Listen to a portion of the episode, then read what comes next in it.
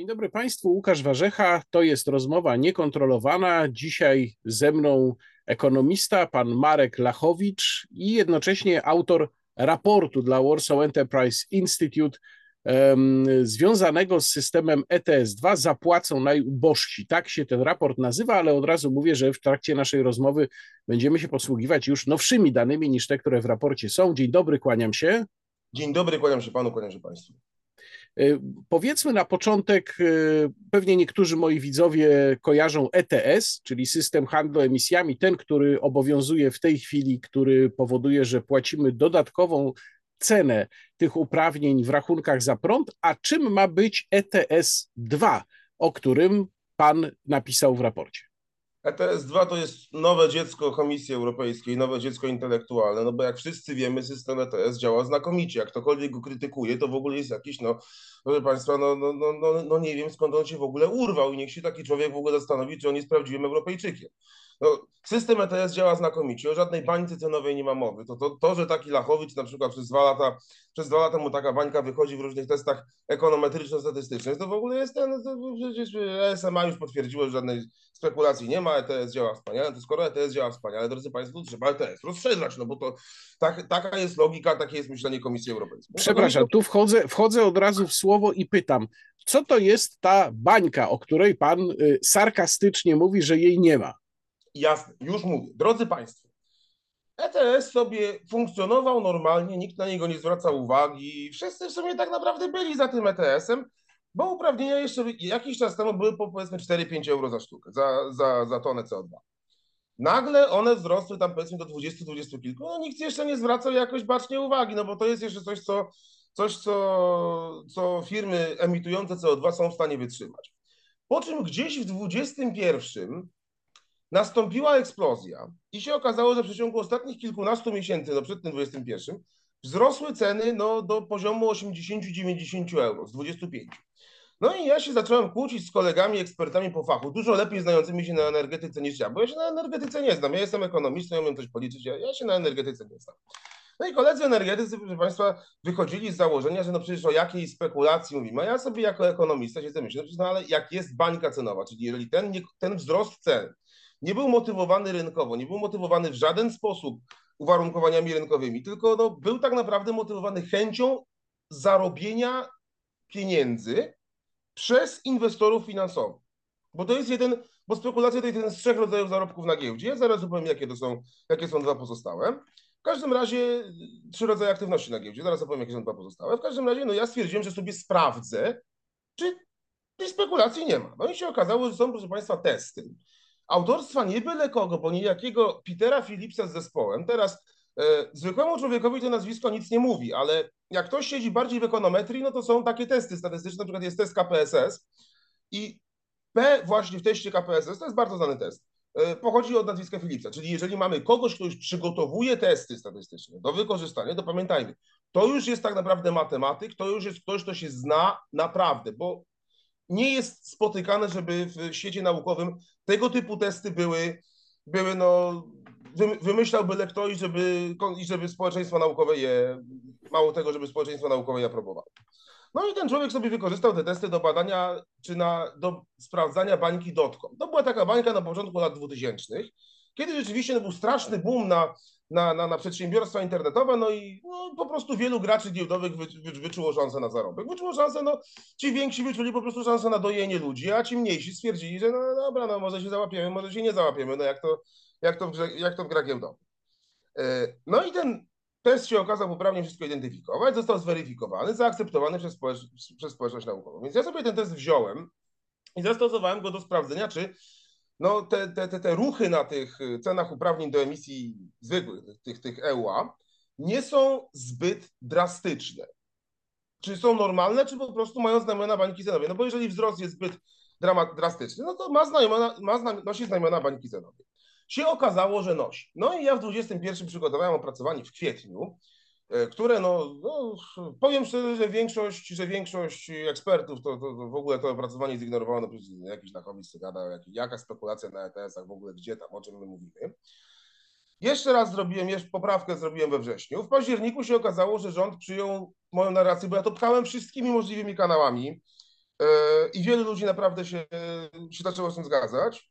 No i narracja została przyjęta przez rząd. I się nagle okazało, że teraz wszyscy ci, którzy twierdzili, że to jest jakaś głupota czy coś, ale którzy jednak no, do rządu się bardzo uśmiechają, no zaczęli twierdzić, że no jednak no, trzeba się zastanowić, że no może ta spekulacja jest. W każdym razie, proszę Państwa, ja obstawiam, że ta bańka cenowa jest, bo te testy się nie mylą. A to, czy Komisja Europejska, co Komisja Europejska sobie twierdzi? No tak, no Komisja Europejska nigdy nie przyzna się do błędu, bo na tym to polega. No złapią ich za rękę, powiedzą, że to nie ich ręka. No, że, że tak, bo ich... Komisja Europejska twierdziła, to pamiętam jeszcze ponad rok temu, że oni sprawdzali i tam y, żadnego mhm. efektu spekulacyjnego nie ma, natomiast faktem jest, że uprawnienia w tej chwili już oscylują wokół 100 euro za tonę, no, czyli tak, praktycznie 10 razy więcej niż poziom startowy. Tak, tak, przebiły 100 euro za tonę w ogóle, słuchajcie, drodzy Państwo. Przebiły 100 euro za tonę w lutym tego roku. I ja powiem ciekawostkę, jeszcze niedawno sama komisja zakładała w swoich różnych scenariuszach, prognozach, pomysłach, że to 100 euro osiągniemy w roku 2030. Teraz prognozy różnorakie, no ja zakładam, że w cenach bieżących będzie jakieś 200 euro w roku 2030 i to uważam jest naprawdę konserwatywne. Takie naprawdę optymistyczne. No ale y, jeszcze słowem komentarza, tak, europejski nadzorca, tak zwany ESMA, e, to jest taki odpowiednik KNF-u, no, przypatrzył się i stwierdził, jak tutaj mówi pan redaktor, że nic nie było. No, nic nie było, bo powiedzieli, że był hedging. No bo tak, no bo są trzy rodzaje aktywności na rynkach finansowych, jak wspomniałem. Można zarabiać spekulacyjnie, czyli no, grać na wzrosty albo na spadki cen i na tej podstawie podejmować decyzje. Jest hedging, bo tym, tym się zajmuje też część, część ludzi, i jest arbitraż. Zanim powiem, co to jest hedging, powiem, co to jest arbitraż. Arbitraż to jest po prostu wyszukiwanie różnic kursowych na y, różnych rynkach i w tym momencie na, na, rynku ETS to nie występuje, no bo nie ma drugiego rynku ETS. No. Nawet jak sprzedawane są gdzieś uprawnienia, y, gdzieś uprawnienia nawet jak jest jakiś inny rynek uprawnień na świecie, no to nie są to ekwiwalentne uprawnienia. No nie ma drugiego rynku ETS. Także arbitraż odpada, zostaje hedging. Czym jest hedging? Zabezpieczanie przed wzrostem cen. No i to stwierdziła ESMA, że to jest główny powód aktywności inwestorów. Przez inwestorów rozumiem wszelkie maści instytucje finansowe, y, w których można sobie otworzyć rachunek i, i, i, i kupować inne. I teraz, proszę Państwa, e, jeżeli, to ja zadam takie pytanie retoryczne, Państwu do odpowiedzenia. To jeżeli znaczna część aktywności to jest hedging, czyli zabezpieczanie się przed nagłym wzrostem cen, to kto za ten wzrost cen odpowiada? I ja mam następujące propozycje odpowiedzi. Odpowiedź numer jeden. Krasnoludki. Bo pamiętajmy, drodzy Państwo, że no w całej folklorze europejskim były krasnoludki, były gnomy, więc może to były krasnoludki. Opcja numer jeden. Opcja numer dwa, złe wróżki. To też, no, są wróżki dobre, wiadomo, są wróżki złe no wiadomo, im więcej się wypije, tym wróżka zmienia nastrój na gorszy, no bo tak jak się trochę wypije, to wróżka jest, jest, jest wesoła, a jak się więcej wypije, no to wróżka się robi zła. I na przykład zsyła na człowieka ból głowy rano albo różnego rodzaju inne perturbacje żołądkowe. No i trzeci ten, jak nie krasnoludki i jak nie y, złe wróżki, to spekulanci. Czyli tak, no wymyślili sobie inwestorzy bardzo sprytny sposób działania, to znaczy jedni sobie grają na wzrost cen kosztem tych biednych firm, które muszą te uprawnienia kupić, a drudzy do nich przychodzą i mówią, słuchajcie, wiecie co, my dla was mamy taką wspaniałą ofertę, słuchajcie, my was zabezpieczymy przed wzrostem cen. Co wy na to? Który sami spowodowaliśmy. No. Natomiast no, czyli, to jest, czyli to są zjawiska, które występują na rynku ETS, tego pierwszego. Tak. I teraz y, one e mogą również. EUA, uprawnienia EUA, bo są jeszcze uprawnienia lotnicze. I y, one mogą również wystąpić na rynku ETS-2, ale teraz wracam do mojego pierwotnego pytania, czym to ETS-2 ma się różnić od ETS pierwszego? Już mówię, no, różni się przede wszystkim tym, że obejmuje inne sektory, to znaczy obejmuje ogrzewanie budynków komercyjnych i budynków mieszkalnych. Najpierw będą budynki komercyjne, potem budynki mieszkalne, no a to są dosłownie dwa lata różnicy, więc to jest tak naprawdę od 2030, no to już tak naprawdę wszystkie ETS 2 będzie objęty, e, będzie obejmował wszystko, co ma objąć. No i ma też objąć transport komercyjny i transport prywatny. I ja tu zaznaczam, bo ja teraz przygotowuję sobie powoli, siedzę nad takim wyliczeniem ETS-u 2 dla całej Unii Europejskiej, na troszeczkę innych danych niż te, które, niż z tych, niż te, z których korzystałem dla Polski. Tylko no, problem jeden jest taki, że trudno jest rozdzielić w budynkach, yy, co wpada w ETS 1, a co wpada w ETS 2, bo jeżeli budynek ciągnie ciepło z sieci, czy ciepłą wodę z sieci, no to wpada w ETS 1. Natomiast ja, ja dla Państwa w tym momencie mam bonus, mam taką niespodziankę, bo ja sobie policzyłem również koszty ETS-u 1, łącznie z ETS-em 2, e, na polskie gospodarstwa domowe, więc później w dalszym, w dalszym toku wywiadu te, te, te wyliczenia orientacyjnie będę mógł przedstawić. One nie zostały nigdzie opublikowane na razie i na razie nie zostaną. Y, mówi pan, że między innymi ETS-2 ma objąć transport, również prywatny. Mm, tak. Jak to będzie w praktyce wyglądało? No niektórzy sobie mogą wyobrażać, że co, będą musieli jakiś podatek specjalny odprowadzać? Jak to będzie technicznie rozwiązane? Przypuszczam, że te uprawnienia zostaną po prostu wliczone do cen paliw, bo nie da się inaczej tego zrobić yy, w sposób taki jakiś no, rozsądny, no bo co? Podatek od emisyjności dla posiadaczy aut no, można wsadzić na dwa sposoby. Pierwszy to jest wsadzić jeden stały całoroczny na przykład do OC, a drugi to jest właśnie uzależnić od konsumpcji, co ma, wiek, co ma większy sens, no, jeżeli chodzi o, o ideę ustawodawcy. I wtedy po prostu płacą go producenci paliw, tak zresztą to z tego co wiem jest, jest ustalone, tak zostało zrobione. Płacą go producenci paliw, no a producenci paliw przerzucają go sobie na klientów, bo, no bo, no bo co innego mają zrobić. No. No bo zwykle tak się dzieje w przypadku, tak. jak na, jest nakładany jakiś nowy podatek.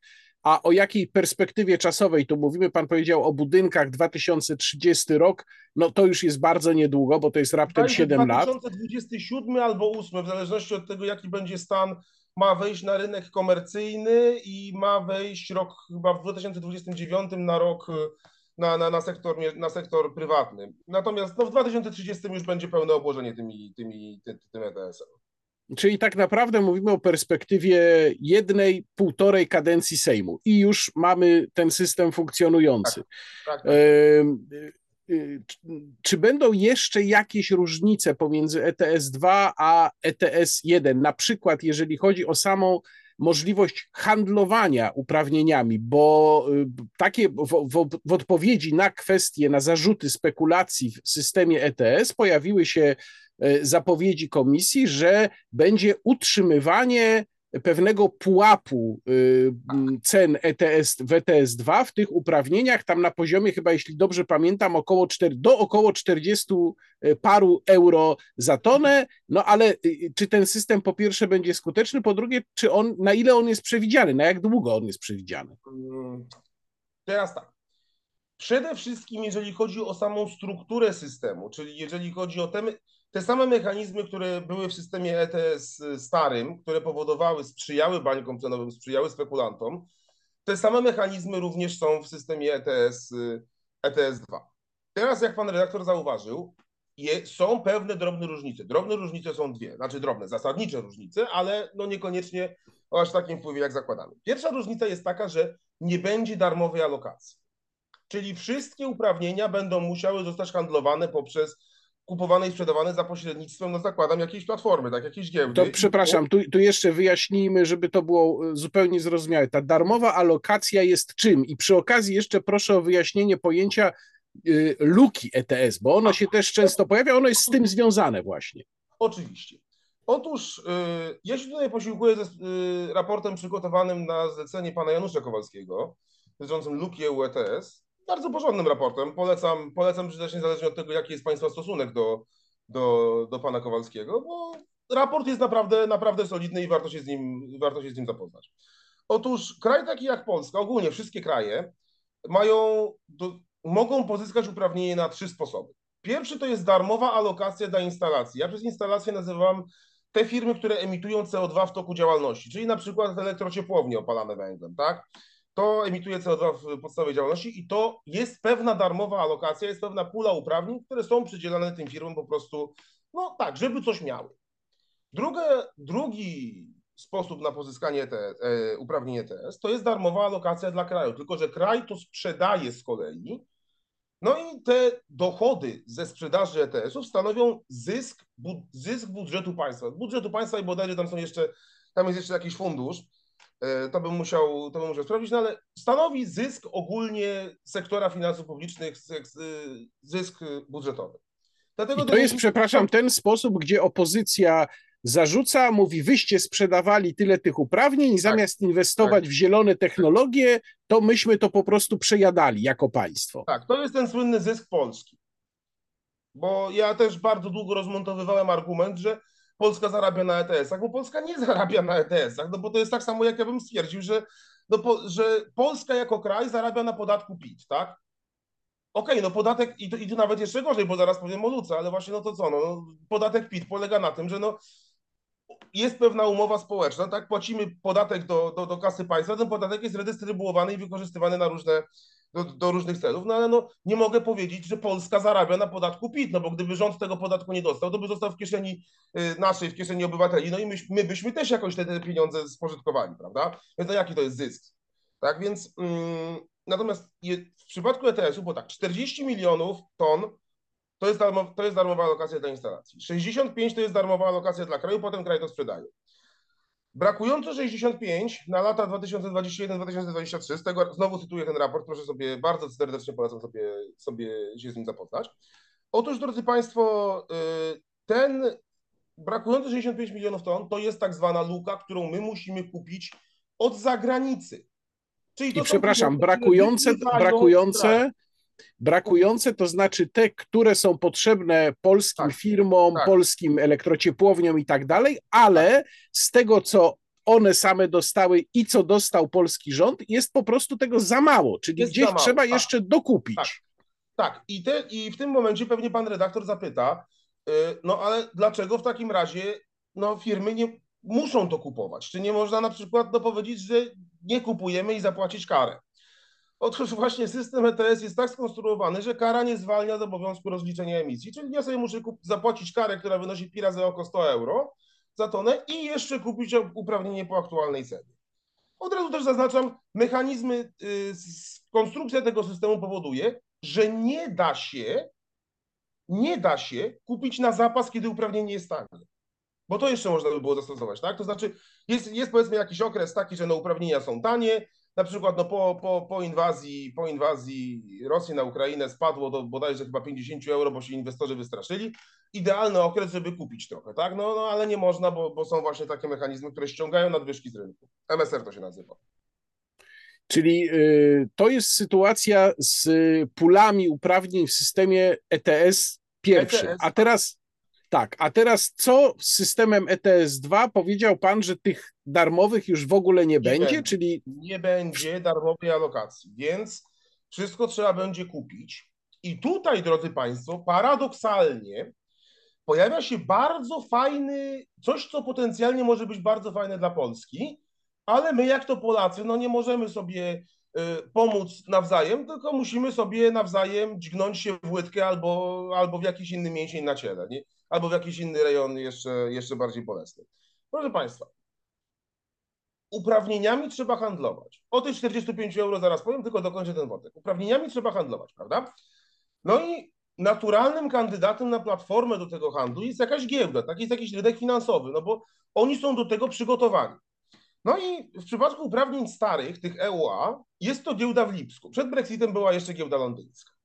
No i teraz wchodzą nowe uprawnienia, nowy system, więc można by powiedzieć, a czy mogłaby książęca, czy mogłaby giełda papierów wartościowych e, być platformą, być rynkiem pierwotnym właśnie do handlu tego rodzaju, tego rodzaju uprawnieniami. No i giełda jest gotowa. Co, mi, co potwierdził prezes. Ja przyszedłem do nich na prezentację strategii, zapytałem wprost prezesa przy wszystkich, yy, jakie są plany. Giełda jest gotowa. A kto o tym decyduje, gdzie, gdzie będzie ta platforma? Wiem też, w tym momencie powiem, przypuszczam, że no jest jakiś konkurs wyła wyłaniania tych giełd, natomiast tutaj powiem szczerze, nie chcąc Państwa wprowadzać w błąd, musiałbym poszukać, jaka jest procedura wyboru, kto o tym decyduje, bo po prostu nie chcę, nie chcę mówić, nie chcę brać odpowiedzialności za słowa, których nie jestem pewien. Natomiast to, co wiem, to wiem, że giełda w Warszawie jest na, w trójce kandydatów tych no, najpoważniej rozważanych do bycia tą platformą. I wiem też, znowu wewnętrznie z giełdy od różnych jej pracowników, że głównym hamulcowym jest tu Ministerstwo Finansów Polskie, które nie chce giełdy zwolnić z VAT. I w tym momencie my tracimy jakąkolwiek szansę na konkurencję z Lipskiem, bo na pewno, bo, bo Lipsk jest, jest, jest też, no Lipsk wiadomo, no, ogarnia ETS-y stare, no to dlaczego miałby nie ogarniać ETS-2, no, tak? E, bo Lipsk jest zwolniony z VAT-u. I w tym momencie nikt nie będzie chciał kupować kupować tych uprawnień na giełdzie polskiej. My po prostu wykończyliśmy, nie mamy szans w wyścigu, zanim tak naprawdę do niego przystąpiliśmy. A szkoda, bo to nawet nie chodzi o to, że to są jakieś gigantyczne pieniądze, na których giełda zarobi, bo na, na samym obrocie, na pośrednictwie, bo oni sobie liczyli, no to by było na pewno y, między kilka a kilkanaście milionów rocznego przychodu. Natomiast my, będąc operatorem rynku ETS2, zyskujemy bardzo dużo, jeżeli chodzi o, chodzi tak, o wiedzę na temat tego, jak funkcjonuje system, kto kupuje, ile kupuje, kiedy kupuje, jak to wygląda. Wiemy o wszystkich transakcjach, wiemy o wszystkich aktywności, mamy kontrolę nad rynkiem, jesteśmy z automatu poważniej traktowani, niż gdy jesteśmy sobie po prostu od tak zwykłym kupcem. Bo powiem tak, o, gdyby wyłączyło prąd na giełdzie, która handluje systemem ETS2, nawet na chwilę, to dotyka to wszystkich. A jak się wyłączy prąd, a jak wyłączy się prąd na giełdzie, która no, no, no jest giełdą państwa klienckiego, no to, no to wyłączyło, tak? Wracam do pytania o utrzymanie tego y, tak. poziomu na, na pułapie około 40 czy 45 euro dokładnie, tak? Y, jak to ma działać? 45 euro ma działać w ten sposób, że gdy przez dwa miesiące z rzędu cena uprawnienia dobije do tych 45 euro, gdy 45 euro przekroczy, to proszę Państwa będzie uwolnione dodatkowych 20 milionów ton uprawnień na rynku. I teraz ze spotkania z ministrem Giborze, które odbyło się w Weju, no minister Giborze coś, coś stwierdził, że bodajże można wykonać taki, taki manewr raz na dwa lata. Ja się Przepraszam, nie... to tu wyjaśnię, że pan minister to jest wiceminister klimatu. Minister klimatu. Giborze Czetwertyński. Na, tak, na spotkaniu z panem ministrem ze strony właśnie ministerstwa się pojawiła no, taka informacja, że ten manewr, te, to uwolnienie tych 20 milionów y, ton yy, uprawnień będzie mogło być powtarzane co dwa lata. Ja powiem szczerze, ja gdy przygotowywałem ten raport, ja się do tej informacji nie dokopałem, natomiast no, przyznam, przyznam też, że bardzo wiele się zmienia, jeżeli chodzi o ETS-2. Na przykład było się zmieniało, jeżeli chodzi o rozmiar Funduszu Sprawiedliwej Transformacji. E, natomiast e, zakładając, że to jest prawda, nawet jeżeli co dwa lata taki mechanizm mógłby zostać, te, te 20 milionów mogłoby zostać wypuszczone, to drodzy Państwo, to jednak jest kropla w morzu i finansjera dysponująca odpowiednimi środkami finansowymi jest zwyczajnie te 20 milionów w stanie przesiłować. Natomiast z drugiej strony, z drugiej strony, bo na to zwracam uwagę, to jest pierwszy raz, kiedy Komisja Europejska zadeklarowała się bronić jakiegokolwiek poziomu cen więc być może to jest znowu pozytywne, życzeniowe myślenie. Gdy się okaże, że ta zaproponowana metoda nie zdała egzaminu, nie wystarczyła, to wymyślą coś nowego, coś bardziej takiego no, zdecydowanego, jeżeli chodzi o, jeżeli chodzi o obronę. Być może. To, to teraz przechodzę do, do sprawy, która pewnie wszystkich najbardziej interesuje, a która ma odbicie w tytule pańskiego raportu. To znaczy, ile nas to będzie kosztowało? Drodzy Państwo, już mówię, tylko powiedzcie mi tak. Ja przedstawię może dwa scenariusze. Dwa scenariusze i przedstawię scenariusz pozytywny i scenariusz bazowy. W scenariuszu pozytywnym ja zakładam, że obrona poziomu 45 euro się uda i zakładam, że cena uprawnień zwykłych, tych w systemie ETS yy, zwykłym, będzie na poziomie 200-210 euro za tonę w cenach bieżących w roku 2030. W cenach bieżących, no bo jeszcze dochodzą kwestie, proszę Państwa, inflacyjne, etc., etc. E, no, to jest taka prognoza moja, oparta o inne istniejące prognozy, uważam absolutnie realna, biorąc pod uwagę to, że 100 mieliśmy mieć w 2030, a mamy teraz. Drodzy Państwo, biorąc jednocześnie, biorąc jednocześnie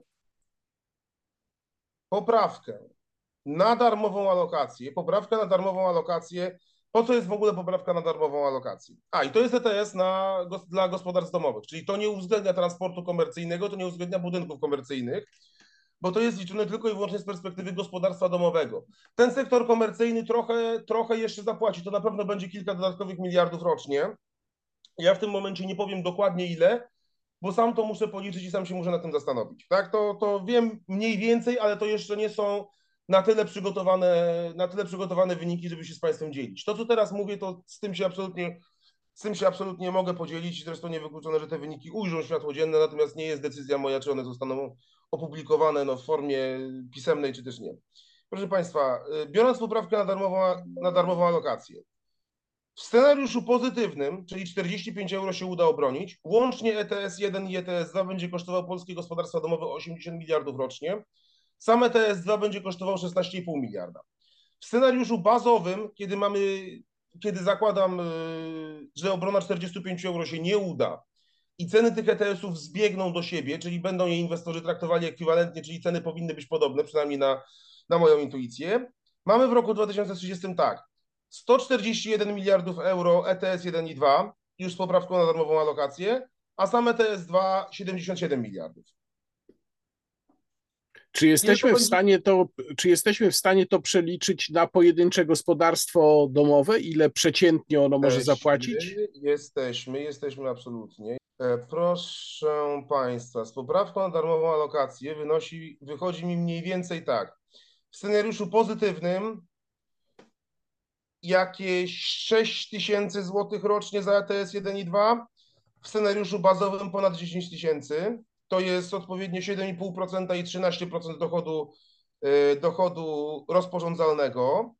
Natomiast same TS2, drodzy Państwo, same TS2 w scenariuszu bazowym to nie będą, w scenariuszu pozytywnym to nie będą wielkie kwoty, bo to głównie, głównie dostaniemy systemem ETS zwykłym. To będzie 1,5% dochodu rozporządzalnego. Natomiast w scenariuszu bazowym, no już to bardzo poważnie rośnie, tak? Już to nam rośnie do ETS 2, 2030 rok, podzielić to, podzielić przez... Także tak, w scenariuszu bazowym, jeżeli ta obrona się nie uda, to same TS2 będzie mniej więcej 7% dochodu, dochodu rozporządzalnego, a w przypadku udanej obrony to będzie 1,5% dochodu rocznego, no to i tak nie są małe małe, małe kwoty, bo proszę Państwa, ciekawostka, gdyby w tym momencie wprowadzić system ETS 1 i 2, gdyby, przepraszam, gdyby wprowadzić w 2020 roku system ETS, kiedy uprawnienia były po 20, mniej więcej po 25 euro, tak? To wtedy, gdyby wprowadzić system ETS 2, to razem z ETS-em 1 to byłoby no, nieco ponad 2% dochodu rozporządzalnego. W tym momencie mamy, mówimy w 30 roku 1,5% to jest sam ETS 2, a łącznie z ETS-em 1 no to jest 7,5%, tak? To są... No i to jest, i, i to mówimy o średnich, bo to przecież też trzeba pamiętać, że w niektórych przypadkach to będzie mniej, ale w niektórych przypadkach, no rozumiem, że to na przykład sytuacja, kiedy ktoś ma dom, chociażby, to już będzie więcej. Tak. I jeszcze przecież ja myślę o wszystkich tych kosztach pozostałych, którymi już Pan się w raporcie nie zajmował, a które będą wynikały z innych elementów zielonej polityki Unii Europejskiej, o takich kosztach, jak na przykład wynikające z dyrektywy EPBD. No ktoś będzie y, chcąc y, sprzedać swoją nieruchomość, czy chcąc ją wynająć, będzie musiał ją doprowadzić do odpowiedniego standardu, co dodatkowo będzie go kosztowało pewnie na dzisiejsze ceny co najmniej kilkadziesiąt, jeżeli nie kilkaset tysięcy złotych, czyli to wszystko robi się, skandal. to są ogromne koszty. Drodzy Państwo, to jest absolutny skandal w ogóle ta dyrektywa, bo z jednej strony promujemy tę całą mobilność, że niech ludzie sobie sprzedają mieszkania, niech sobie wynajmują, niech sobie chodzą, niech sobie mieszkają gdzie chcą. Z drugiej strony popatrzmy, ile domów w rejonach jakichś podmie- rejonach jakichś podmiejskich, czy nawet obecnie wiejskich, przecież miasta się rozrastają bardzo dynamicznie, tak? Kabaty w Warszawie jeszcze niedawno to była wieś, tak? Teraz to jest dzielnica, to jest dzielnica Warszawy. Pole, nawet pole mokotowskie, tak? W latach dwudziestych y, II Rzeczpospolitej to było lotnisko, tak? E, miasta się rozrastają bardzo szybko i w tym momencie coś, co jest wsią, gdzie mogą być jakieś właśnie takie, ta, takie stare domy na sprzedaż być może, to za chwilę może być część miasta. I co? I, i jakim prawem my odmawiamy ludziom sprzedania nieruchomości, na którą mają kupca? Mnie, mnie to się w głowie nie mieści, bo no, takie praktyki już widzieliśmy. Już widzieliśmy w pewnym systemie gospodarczym, od którego uważam, no, Unia Europejska zaczyna się coraz mniej różnić. Był e, kraj, Pytanie... był, był kraj Radno, jest też, jest też no, Widzę, że pewni urzędnicy Komisji Europejskiej i pewni politycy Komisji Europejskiej bardzo by chcieli, żeby ten kraj rad się odrodził, powiedzmy, no, e, na, na zachód od Wisły, a nie na wschód od Wisły. Jest jeszcze pytanie o skuteczność systemu ETS-2, ale też tego podstawowego systemu ETS w osiąganiu celu, jaki teoretycznie on zakładał. No bo teoretycznie miało chodzić o to, że nakładamy obciążenia finansowe na nieczyste, brudne technologie po to, żeby wymusić inwestowanie w technologie czyste ale już wiemy, że to obciążenie jest w wielu przypadkach tak duże, że pieniędzy na te inwestycje firmy, podmioty już nie mają. Jakby to wyglądało w przypadku systemu ETS-2? Czy tutaj ten efekt przejścia, przesunięcia się w stronę czystszych technologii w ogóle by występował? Jak pan to ocenia? Znaczy, cały pomysł w tym momencie z systemem ETS, to co się dzieje, to jest sytuacja taka, no, yy, namawiamy kolegę, żeby poszedł z nami na siłownię, bo jest, no, bo, bo, bo mówimy mu, to będzie dla ciebie dobre, będziesz zdrowszy, będziesz silniejszy i tak dalej. No, Kolega, powiedzmy, no przeciętny, przeciętny facet, tak, no waży 70 kg, powiedzmy 1,80 m wzrostu, no nigdy, nigdy jakichś sportów za bardzo nie uprawiał, no i idziemy z nim na siłownię i każemy mu robić przysiady, tak, no i możemy mu kazać robić przysiady, nie wiem, dać mu na sztangę 40 kg i potem zwiększać powiedzmy 5 kg co tydzień, aż on sobie do jakiegoś tam sensownego ciężaru dojdzie, a możemy wziąć yy, 200 kg i kazać mu z tym przysiadać. No i się, się, się, jeszcze z niego śmiać, jak jego ta sztanga zgniecie i jeszcze mu jakąś kontuzję wywoła, bo to jest w tym momencie to, co mi przypomina sytuacja, to, to jest dla mnie sytuacja obecna na rynku ETS. Wszystko to, co było zakładane, tempo y, wzrostu cen uprawnień, no to już, jest, to już się absolutnie rozjechało. To już nie ma żadnego, już nie ma żadnego tak naprawdę yy, racji bytu. Yy, ten, ten instrument tu jest potrzeb, była potrzebna jak najszybsza korekta, tylko znowu, no, czy system ETS-2 pomoże? Nie, system ETS-2 nie pomoże, bo to jest potworne obciążenie gospodarstw domowych, które naj, i to najczęściej tych, które nie mogą sobie to, na to pozwolić. Bo jest, jest jeszcze jedna rzecz. Jest jeszcze, proszę Państwa, Społeczny Fundusz Klimatyczny, Climate Social Fund, który powstał niedawno, bo Unia Europejska, bo Komisja Europejska no, dostawała informacje, że no przecież no, wykończycie najuboższych, tak? No wykończycie najbiedniejszych. Więc oni powiedzieli, dobra, my zrobimy fundusz, my stworzymy lekarstwo na, na problem, który sami wymyśliliśmy, tak? Normalnie by tego przecież problemu nie było, no ale no wymyśliliśmy reformy, więc no musimy też wymyślić lekarstwo. Kolejny fundusz do rozdysponowania. No i Polsce ma przypadać w ramach tego funduszu, ogólnie ten fundusz to jest jakieś 87 miliardów euro. Znowu trzeba było dużo pokopać po dokumentach pierwotnych, to jest najśmieszniejsze, bo ja się podpieram przecież informacjami ze stron Komisji Europejskiej, ze stron organów europejskich, co będzie w jakim, y, co będzie jak wyglądało, co będzie jaki miało kształt. I no powiem Państwu szczerze, że dotarcie do informacji wcale nie jest proste, bo macie Państwo, nie wiem, y, dokument datowany na, na, na lipiec z informacją A i dokument datowany na powiedzmy wrzesień z informacją kompletnie różną, tak? Także to też trzeba uważać. Natomiast najnowsze dane, do jakich ja się dokopałem, to było 87 miliardów euro fundusz, z którego jakieś 15 miliardów ma przypadać Polsce. No to jest 70 miliardów złotych na lata 2025-2032. No jest to jakaś suma przyzwoita. Tylko tak. Przede wszystkim, żeby jakiekolwiek pieniądze z tego funduszu popłynęły, Komisja Europejska musi zaakceptować plan wydatkowania. No to już widzimy, że mamy sytuację jak z KPO, bo oni mogą sobie wymyślić, co chcą. Oni sobie mogą wymyślić dowolne kryteria, mało tego mogą dowolnie sobie wymyślić, co, będzie, co będą uważali za, za, za, za spełnienie tych kryteriów. Tak? Także w najlepszym wypadku mamy to, co z KPO.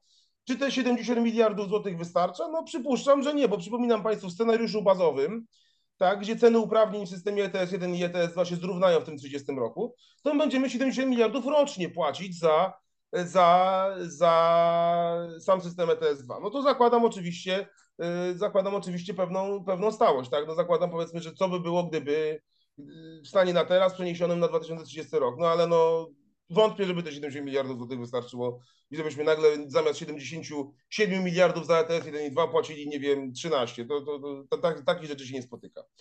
Natomiast, yy, natomiast w wariancie negatywnym, jak już powiedziałem, nie dostajemy tych pieniędzy, bo Unia Europejska sobie wymyśla, Komisja Europejska sobie wymyśla dowolne warunki, które trzeba spełnić. Na przykład, nie wiem, powie, że premier Morawiecki musi założyć czapkę klauna i żonglować tańcząc na jednej nodze. No i, i, i, to, są tego rodzaju, to są tego rodzaju warunki. Ja mam szczerą nadzieję, że po prostu polska delegacja, już, polska delegacja no, po prostu przestanie się wygłupiać i zacznie z nimi dyskutować w sposób taki, na jaki zasługują i taki, jak, w taki, w jaki oni dyskutują z nimi. No.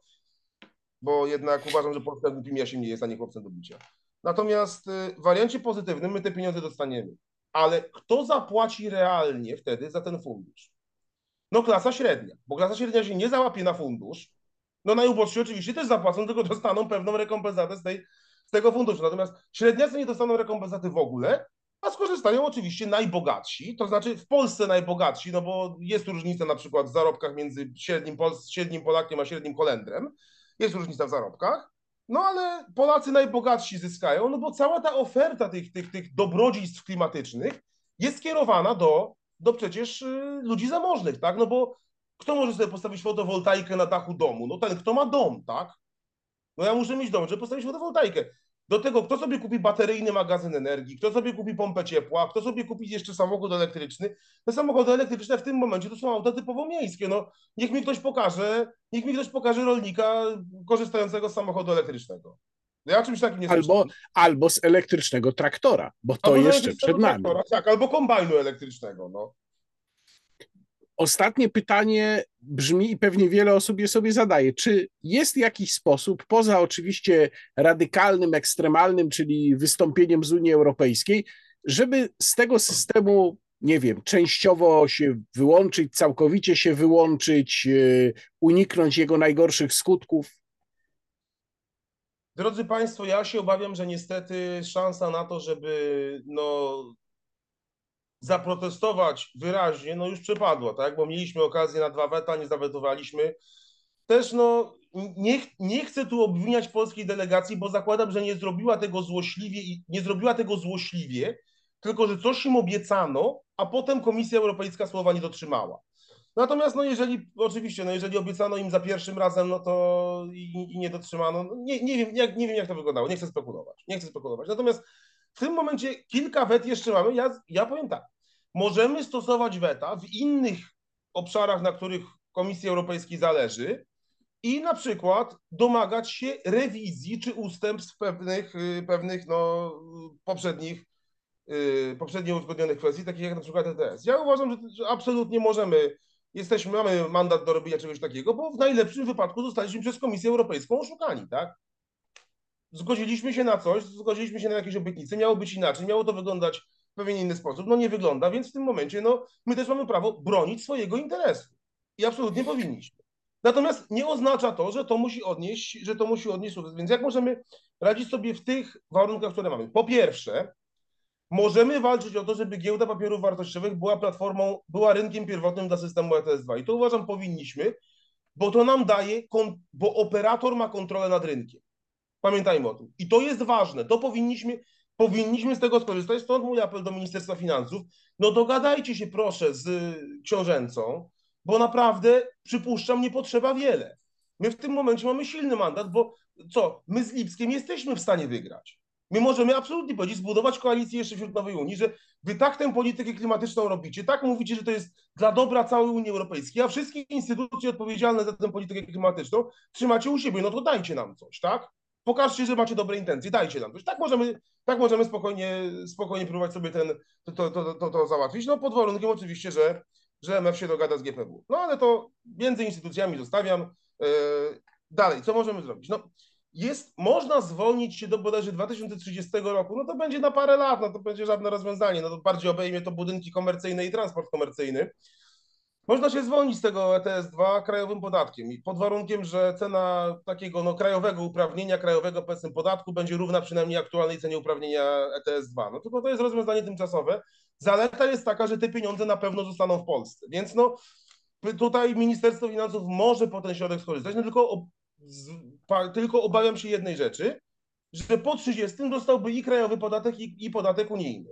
No więc trzeba by po prostu obwarować prawnie, że że zostanie to wycofane w momencie, gdy już nie będziemy mogli się zwolnić krajowym. Na forum unijnym, no, co możemy zrobić? Możemy próbować, tak? Próbować w różnych innych obszarach coś ugrać dla siebie, coś wynegocjować, tylko pamiętajmy, że oni, Komisja Europejska nie jest głupia, tak? No, oni na przykład mogą, teraz jest nowelizacja budżetu, tak? Więc oni mogą na przykład powiązać to wszystko z pomocą dla Ukrainy, powiedzieć, że no ale przecież wam bardzo zależy na pomocy dla Ukrainy, co wy Ukrainie nie chcecie pomóc, jesteście głównym hamulcowym, jedynym hamulcowym, który chce wetować. I to też rozumiem, jest taka presja, która, no, którą nie każdy jest w stanie wytrzymać. No mam nadzieję, że nasi, że nasi negocjatorzy tę presję wytrzymają i wynegocjują to, co się da dla Polski. Na rynku krajowym są pewne szanse, pewne nadzieje. Bodajże profesor Gontarski zauważył, że ponieważ wojna się odbywa za naszą granicą, to Polska jest państwem przyfrontowym i być może jakoś na podstawie tego e, coś, co on coś wymyślił, jeżeli chodzi o, jeżeli chodzi o, o samą kwestię systemu ETS, o, o, o utrzymywanie go, czy może tu chodzi o to, że jakoś się da to czasowo zawiesić? Nie wiem. Nie jestem prawnikiem, ale wiem, że wiem, że różni ludzie próbują, yy, no, znający się na prawie lepiej niż ja, no, ja się znam, na, ja się znam trochę na ekonomii. No. Mówimy o prawnikach, którzy zęby zjedli na Unii Europejskiej, na, na, na traktatach i na prawie Unii Europejskiej. Jakieś furtki są. Czy te furtki zostaną, czy, czy, czy Unia Europejska, czy Komisja Europejska zgodzi się, żebyśmy te furtki stosowali? No przypuszczalnie nie. Ale pamiętajmy też, że pójście na zwarcie z nimi nie oznacza wyjścia z Unii Europejskiej, bo to, to jest popularna, popularny argument stosowany przez różnorakich, no, no, no, no nazywam to no, pseudofachowców drugiej strony, bo ci pseudofachowcy mówią, że jak, jak tylko się Unię skrytykuje, to mówią, o Jezu, wy chcecie Brexitu, wy chcecie, przepraszam, Polexitu, wy chcecie Polexitu, wy chcecie wyjść z Unii. Z Unii się nie da y, wylecieć, od razu mówię, nie da, nie da się zostać wyrzuconym z Unii. Z Unii można wyjść, natomiast to, że my krytykujemy Unię bo sobie na to zasłużyła, bo się zmieniła, bo przez te już prawie 20 lat to jest inna instytucja niż ta, do której przystępowaliśmy, mamy prawo krytykować. Mamy prawo walczyć o swoje, mamy prawo nie zgadzać się na to, co jest nam proponowane, bo absurdalne jest stwierdzenie, że jest jeden zestaw polityk gospodarczo-klimatycznych, który odpowiada wszystkim członkom Unii, którzy są którzy się różnią stopniem zamożności, różnią się średnią temperaturą roczną w poszczególnych miesiącach. Są kraje cieplejsze, są kraje zimniejsze. No, my mamy absolutne prawo ciągnąć, ciągnąć tę linę w swoją stronę i do tego ta, ta, taka jest nasza rola. Czy się coś uda? No zobaczymy. No, jak nie spróbujemy, to się nie dowiemy na pewno. Ale na pewno z Unii nie wylecimy za to, że się postawiliśmy, czy za to, że walczyliśmy o swoje. To jest po prostu twierdzenie takie, to jest, to jest absurdalne i ja sugeruję takim ludziom, którzy ta, takie argumenty głoszą, że no, krytyka Unii jest równoznaczna z polexitem, no niech się cofną, może nie wiem, no, do, do, do, do, do podstawówki albo nawet do szpitala psychiatrycznego. Przypomnijmy, że krytyka Związku Sowieckiego była równoznaczna z zaprzeczeniem rewolucji, a czasem zdradą stanu. I może tym przypomnieniem zakończymy naszą rozmowę. Bardzo dziękuję. Moim gościem w rozmowie niekontrolowanej był pan Marek Lachowicz, ekonomista, autor raportu dotyczącego systemu ETS-2 napisanego dla Warsaw Enterprise Institute. Link do raportu w opisie filmu. Bardzo dziękuję. Dziękuję serdecznie. A to była rozmowa niekontrolowana. Łukasz Warzecha, kłaniam się Państwu. Do zobaczenia.